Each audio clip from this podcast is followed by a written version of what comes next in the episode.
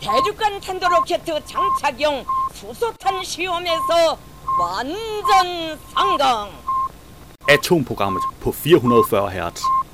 Science is interesting, and if you don't agree, you can fuck off.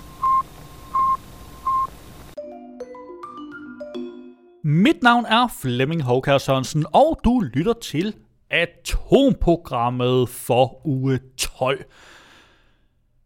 Jeg har nogle nyheder med. Gået løst. Verdenshavene kommer fra rummet. Og så har jeg faktisk den eneste corona-relaterede nyhed her. Coronavirus og tekniske problemer forsinker Mars-mission. Jeg har også den her. Astronomer. Her regner det med jern. Mystisk cirkel, bygget af knogler, fundet i Rusland. Og så har jeg den her. CPH Docs 2020. Se film online hjemme fra stuerne. Få overblik over festivalens videnskabsfilm. Og til sidst er der selvfølgelig ugens oversigt fra NASA.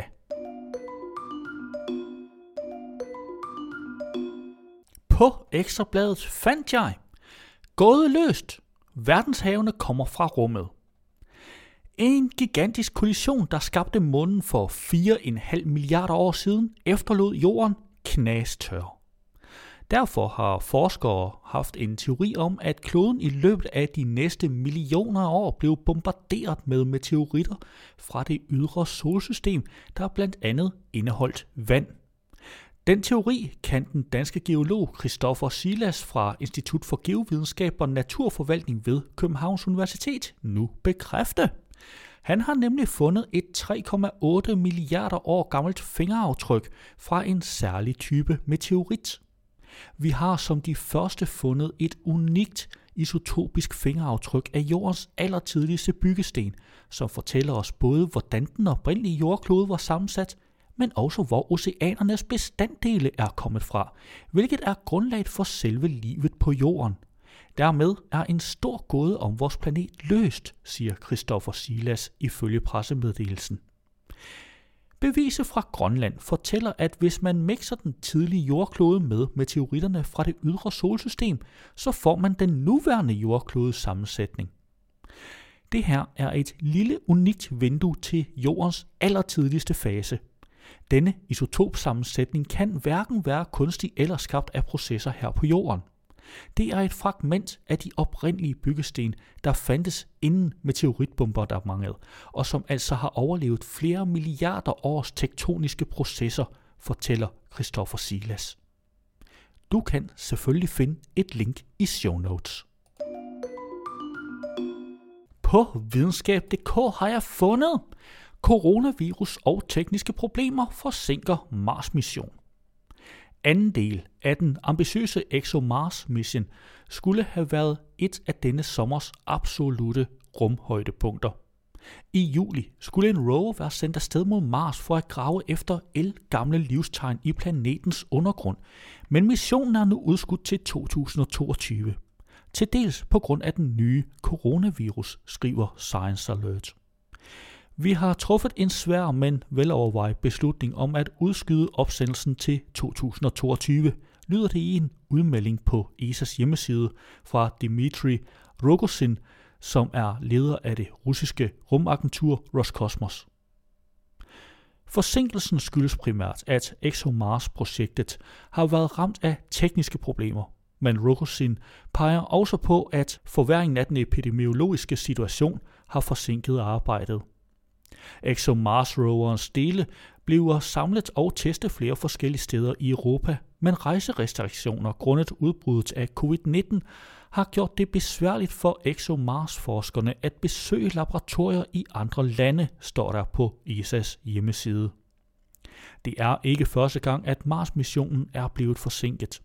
Forberedelserne til anden del af ExoMars-missionen har været alvorligt ramt af tekniske problemer. I august sidste år opdagede ESA problemer med de faldskærme, der skulle nedbringe fartøjets hastighed, så det kan lande sikkert på Mars. Så allerede dengang blev der sat spørgsmålstegn ved, om opsendelsen kunne gennemføres i 2020. Vi vil sikre os en 100% succesfuld mission. Vi kan ikke tillade os nogen fejlmargin. Flere verifikationsaktiviteter vil sikre en sikker rejse og de bedste videnskabelige resultater på Mars, siger generaldirektør i ESA Jan Wöhner i ESAs udmelding. Det europæiske og det russiske rumagentur siger også, at rumfartøjs hardware og software skal testes yderligere, inden missionen kan gå i gang. Du kan selvfølgelig finde et link til artiklen i show notes, og hvis du gør det, så er der mange flere links til relaterede artikler. På ekstrabladet fandt jeg den her. Astronomer. Her regner det med jern. Det kan lyde lidt som en science fiction film, men astronomer har observeret en ultravarm, gigantisk eksoplanet, hvor dråber af jern sandsynligvis regner fra himlen om natten. Det skriver det europæiske sydobservatorium ESO i en pressemeddelelse. Exoplaneten er kendt som WASP-76b og kredser om en stjerne i stjernebilledet Fiskene, ca. 640 lysår væk fra Jorden. Det mystiske fænomen sker, fordi det er den samme side af jernregnsplanetens, altså dagsiden, der altid vender mod dens værtsstjerne. Den kølige natteside forbliver altid i mørket, skriver ESO. Det er på samme måde, at månen kredser om jorden.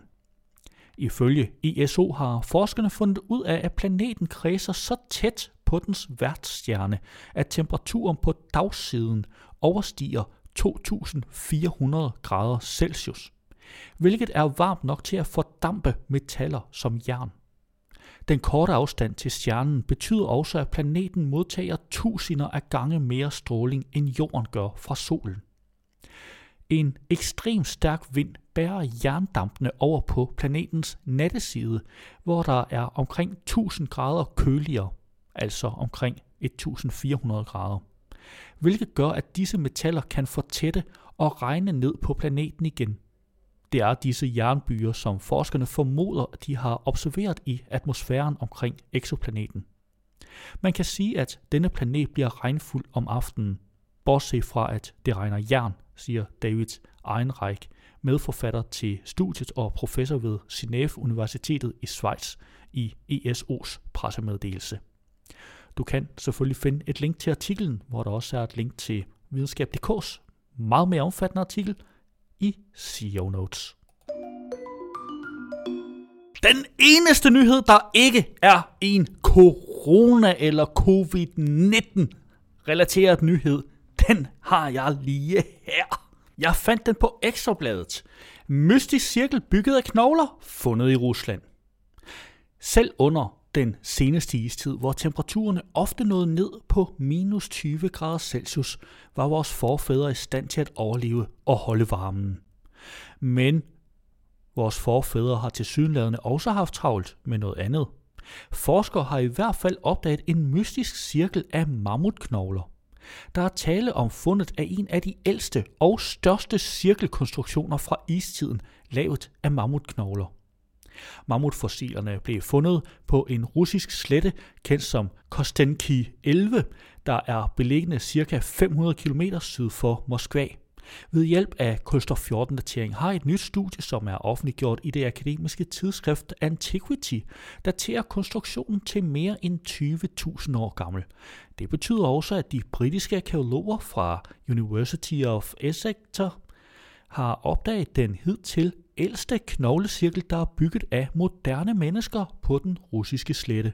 Arkeologi viser os mere om, hvordan vores forfædre overlevede i dette desperat kolde og fjendtlige miljø ved højdepunktet i den sidste istid. De fleste andre steder på lignende breddegrader i Europa var blevet forladt på dette tidspunkt. Men disse grupper havde formået at tilpasse sig for at finde mad, husly og vand, siger den paleolitiske arkeolog Alexandra Pryrer fra University of Exeter i en pressemeddelelse. Knoglecirklen måler 12,5 meter på tværs og ser ud til at være bygget næsten udelukkende af mammutknogler, sammen med nogle knuste knogler fra blandt andet rensdyr og bjørne. Ifølge Science Alert har arkeologerne identificeret 51 underkæber og 64 individuelle kranier fra mammutter, som blev brugt til at konstruere væggene i en 9x9 meter bygning. På ydersiden af cirklen blev der også fundet tre store huller fyldt med store mammutknogler. Det britiske forskerteam fandt også kulfragmenter i knoglecirklen, hvilket bekræfter, at der var mennesker til stede, som brugte træ og knogler som brændstof. Det er kun den anden cirkel af mammutknogler, hvor træfyring er blevet identificeret, og denne nyfundne cirkel er omkring 5.000 år ældre end den anden. Forskerne er stadig i tvivl om, hvad denne knoglecirkel er blevet brugt til, og hvad der har bragt vores forfædre til stedet. En mulighed er, at mammutter og mennesker kunne være kommet til området, fordi det havde en naturlig kilde, der ville have sørget for flydende vand gennem vinteren, hvilket er sjældent i denne periode med ekstrem kulde, fortæller Alexander Pryor fra University of Exeter i pressemeddelelsen. I show notes kan du finde et link til artiklen. Jeg har været en tur forbi videnskab.dk, hvor jeg har fundet CPH Docs 2020. Se film online hjemme fra stuerne for overblik over festivalens videnskabsfilm. Og jeg bør lige indledningsvis sige, at den her stammer fra den 18. marts, men er i og for sig ikke forældet endnu. Der er stadigvæk en uges tid tilbage. Kom ind på livet af en sympatisk neurolog eller ind under huden på menneskerobotter. I dag begynder en af verdens største dokumentarfilmfestivaler, CPH Docs. Men alt er ikke som det plejer. Efter regeringen i sidste uge forbød alle forsamlinger over 100 personer, og nu efter gårdsdagens pressemøde over 10 personer som følge af coronakrisen. Alle fysiske arrangementer i forbindelse med festivalen er aflyst. Ingen fester, ingen paneldebatter og ingen koncerter kan afholdes, og biograferne er lukket og slukket. Men festivalen lever videre online. CBH Docs har nemlig skaffet rettighederne til at vise en række af de i alt 220 tilmeldte film på digitale platforme i stedet. De digitale screeninger vil foregå i samme tidsrum, som den fysiske festival skulle have været afholdt, fra onsdag den 18. marts til søndag den 29. marts. For fjerde gang i træk bliver det med det særlige videnskabsprogram CPH Science. CPH Science relaterer sig til forskning, og videnskabsprogrammet i år byder blandt andet på dokumentariske fortællinger om universets sorte huller og menneskelignende robotter. Så læn dig tilbage og nyd videnskab.dk's overblik over de videnskabsfilm, som du med sikkerhed kan se online. Filmene, som udtages til at vises online, bliver løbende opdateret på CPH Docs hjemmeside. Klik på titlerne herunder for at finde billetter og spilletider. Um, og det kan du selvfølgelig ikke, men det kan du faktisk lidt alligevel, fordi hvis du hopper ind forbi show notes, så er der et link i show notes til artiklen.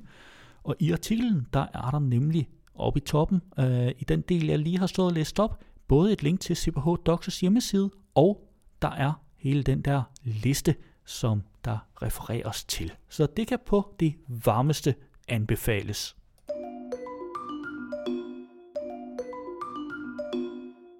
Ja, og havde du så hørt radioudgaven i stedet for podcasten, så ville der her have været This Wicked NASA. Men vi har kun tilladelse til at sende den i radioen, ikke i podcasten. Du kan dog finde et link til den i show notes.